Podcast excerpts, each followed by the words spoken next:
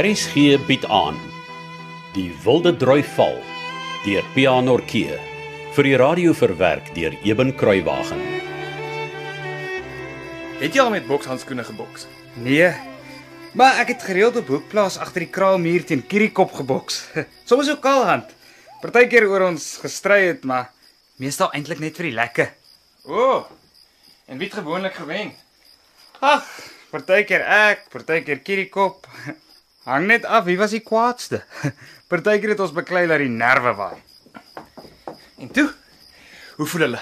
Ag, bietjie soos waterlei skoene aan my hande. En dit? Hier, jy. Jy Jy het my geslaan. Ken. Ek het jou nog lank nie geslaan nie, ou maatie.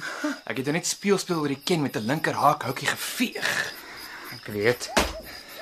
Trek maar die handskoene uit. Ons kon 'n bietjie geboks het, maar nou is dit Sondag aand. En pa laat nie toe dat ons Sondag sulke goed doen nie. My pa se ookie. Hey, help my net met die een asseblief. Daar's hy. Ja, dankie. Ek moet erken, ek het nog nooit regtig geboks nie. Vuis geslaan teen Kiriekop, dit het ek baie gedoen, ja, maar ek sou graag wil leer om regtig te boks. Ons sal jou leer. ek bedoel eintlik oom Bani. Oom Bani Silberg wat die winkel het. Watter ander oom Bani ken jy? Ek het nie gedink So oom Bani het die handskoene laas jaar vir my op my verjaarsdag present gegee. Splinternuut. Ja, mens kan sien hulle is nog nie so baie gebruik nie. Maar Boeta, ek sê vir jou, as oom Bani jou vat, slaan hy jou kop van jou lyf af. Is jy dan nie bang om teen hom te boks nie? Wel, dit is nou nie eintlik dat hy teen my boks nie. Ek ek sê maar net hy's nie 'n man wat ooit sal spog nie, maar sy suster, Tannie Ruth wat jy ook gister ontmoet het, Ja? Sy het eendag vir my gesê hy was lank die middelgewig kampioen in Port Elizabeth. Ek sou dit nooit gedink het nie. Ja nee. Hans hy net die man om my te leer boks.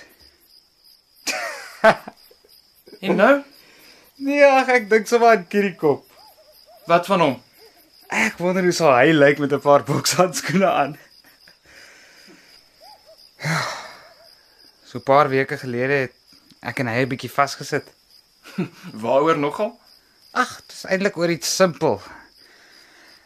Hy het met my fiets deur die dubbeltjies gery en toe maak hy of hy nie weet hoekom die agterwiel pap is nie. Het jy gesien hy ry deur die dubbeltjies? Nee. Piet Vink het hom verklik. En toe staan julle mekaar. My pa sal nooit laat ons beklei nie. Toe het ons agter die bak oor die saak gaan uitpraat. O, uitpraat, nê? Nee? Ja, wel. Ons het so 'n bietjie gevoel voel die kant toe en daardie kant toe en en toe stamp hy my onder die ken met sy kop dat ek amper my tong deurbyt. Maar dis mos sommer net plain beklei om kop te stamp. Ek weet. En wat toe? O, oh, toe is ek op die daad so kwaad ek kon sy kop van sy lyf afslaan soos 'n banie. en miskien was dit meer geluk as wysheid.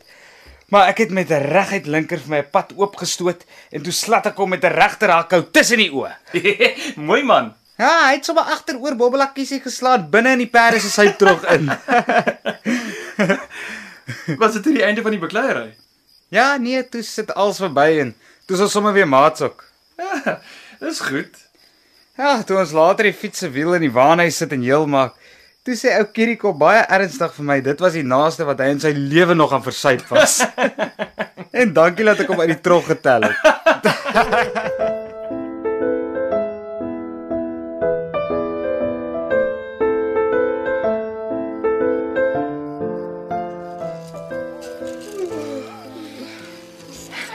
Bly Robert en Hans is maats. Ja, jy meen daar's nou iemand anders wie se siel hy kan versondig. Dit ook ja. Ag, maar ek's regtig bly hy het nou 'n seunsmaat wat sy eie ouderdom is. Ja, ek ook. Dis vir party kinders baie moeilik om alleen groot te word sonder 'n broer of suster van hulle eie ouderdom. Ek dink jy's reg, Eide. Dit was vir Robert maar taamlik eensaam. Mm. Hy hou van geselskap, mm. nee. En jy sis? Wat bedoel jy? Jy was vir baie lank die enigste kind in die huis. Was jy alleen? Ag, ek weet nie. Ek en Ma was eintlik baie goeie maats. Ons het lekker dinge saam gedoen. Dink dit was vir haar lekker dat pa besig was om te boer sodat sy my alles in en om die huis kon leer wat sy gedink het belangrik was. J- Jy bedoel boervrou goed. Ja. Dit ook. Sis. Dink jy nie alleen groot word op die plaas het gemaak dat jy nooit jy weet getrou het nie? Hoekom vra jy dit so uit die bloute uit vir my? En hoekom is jy nog nie getroud nie? Dit was sommer oor ek gesien het hoe Robert in die 2 dae amper 'n ander mens geword het. Hmm. Toe wonder ek maar net as ek en jy wat ouderdom betref nader aan mekaar was of Of jy al getroud sou gewees het? en jy Eide. Party mense wil net nie trou nie. wou jy dan nog nooit getrou het nie? Ag, ek weet nie. Ek het nog altyd van kinders gehou en dis hoekom ek 'n onderwyseres geword het. Maar ag, ek weet nie of ek ooit my eie kinders wou hê nie. En as jy 'n man het Ek verstaan. En jy, kleinsus? Dink jy ma's gelukkig? Nou waar kom dit skielik vandaan? Ag ek, ek wonder maar net. Ma was omtrent so oud soos ek nou is toe jy gebore is. So? Wat daarvan? Die lewe verander. Ek weet nie of ek ooit my hele lewe lank 'n boervrou soos ma sal kan wees nie. En wat sou jy die graagste wou wees? Ek weet nie. Ek gaan nou wel in die apteek op uit en naag werk een van die dae, maar ek weet nie eens of ek dit vir die res van my lewe wil doen nie. Ja, die tyd sal wel leer, né? Ek hoop so. Kan ek jou 'n geheim vertel? Natuurlik. Ek het al gedink ek sal miskien 'n predikantsvrou wil wees. O, ek dink jy sal 'n wonderlike predikantsvrou maak. of 'n sendeling, mm -hmm. maar nie 'n boervrou nie. en verseker nie 'n ma met 'n streep kinders nie. Dan is ons tog nie so verskillend nie, né, Eide? nee. Weet jy hoekom wil ek nie 'n boervrou wees nie? O, oh, sê. Waaroor praat ma en pa die afgelope tyd? Die droogte. Presies. Hulle praat omtrent oor niks anders as die weer en wat op die plaas aangaan nie. Of miskien moet ek eerder sê kla. Nie net pa en ma nie, boere oor die algemeen. As dit te min reën, as dit te veel reën, as dit te warm is, as dit te koud is, kla hulle. ja. En pa boer nie eers meer nie. Wel, nie sodat 'n mens dit sal agterkom nie. Maar een ding is seker, En wat is dit? ek is baie lief vir julle almal. Dankie Flossie. Ek ook. En as ek nie nou gaan slaap nie, kom ek nie môre deur die eerste skooldag nie. En Hans was heeltemal reg. Meneer Schreder wil als perfek hê. Dit het hy my persoonlik baie goed laat verstaan.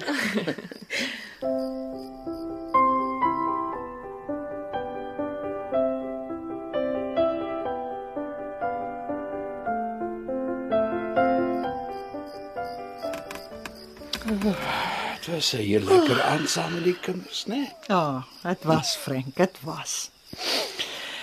Ag ek is so dankbaar klein Hans is hier. Ek kan hoor sommer aan sy praat hoeveel meer Robert uitsien na die skool.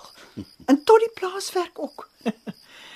Ag jy was so wys om in te stem dat Frans hulle die kind hierheen bring. Die snaakse ding is dis vir my of selfs Florence en Ada die sing in die boeke vat meer geniet het as voorheen. Ja. Ek dink ek verbeel my net.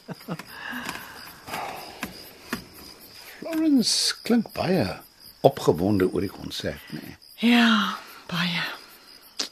En die sug? Ai. Dis jammer die onderwysertjie is soveel jonger as Florence. O, oh, jy praat van die nuwe prinsipaal. Oh.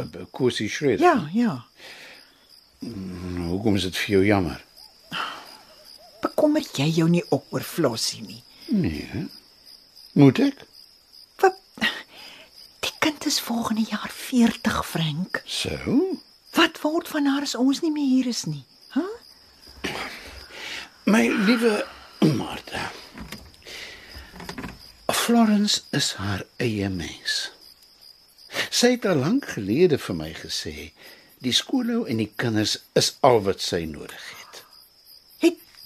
Het sy dit vir jou gesê? Ja. En wat is sodanig verkeerd daarmee? Wel, Dink jy ek praat nie met my dogters nie? wel, sy het nog nooit vir my gesê sy wil nie 'n man hê nie. Het jy al ooit daaroor met haar gepraat? Nee. Rest my case. Ah ja. Maar so sonder kind of kraai op haar ou dag. Ek weet. Wat van Ruth en Aviva? Of selfs Barney, hulle lyk vir my heel tevrede met hulle omstandighede. Ja, maar hulle is nie ons kinders nie. Ons sorg nie vir hulle nie. En het jy hulle altematers al gevra of hulle nou sodanig tevrede is om sonder lewensmaats te wees, hè? No, my darling, I have not. Well, see, I rest my case also. Ah, nag, my liewe Martha. Dis tyd om hierdie dag te laat rus. Ek is heel nuuskierig om te sien wat môreoggend gaan gebeur as die twee seuns Angelier en Ousus vir die eerste keer saam aandurf.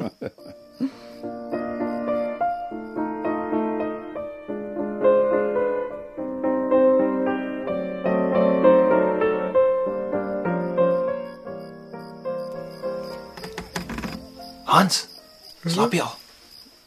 Nee, nog nie. Kan ek jou iets vra? Tuurlik. Is daar iets op jou rug wat jou pla?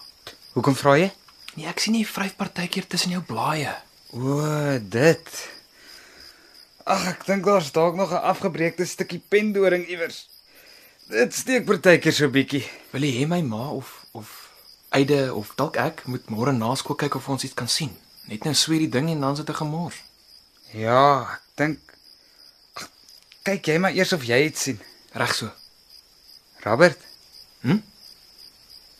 Jy is toe nie so sleg nie, hoor. Jy ookie Hans. Ek skrik nie eers meer vir jou pa se Engels praatry nie. Ja, mooi man.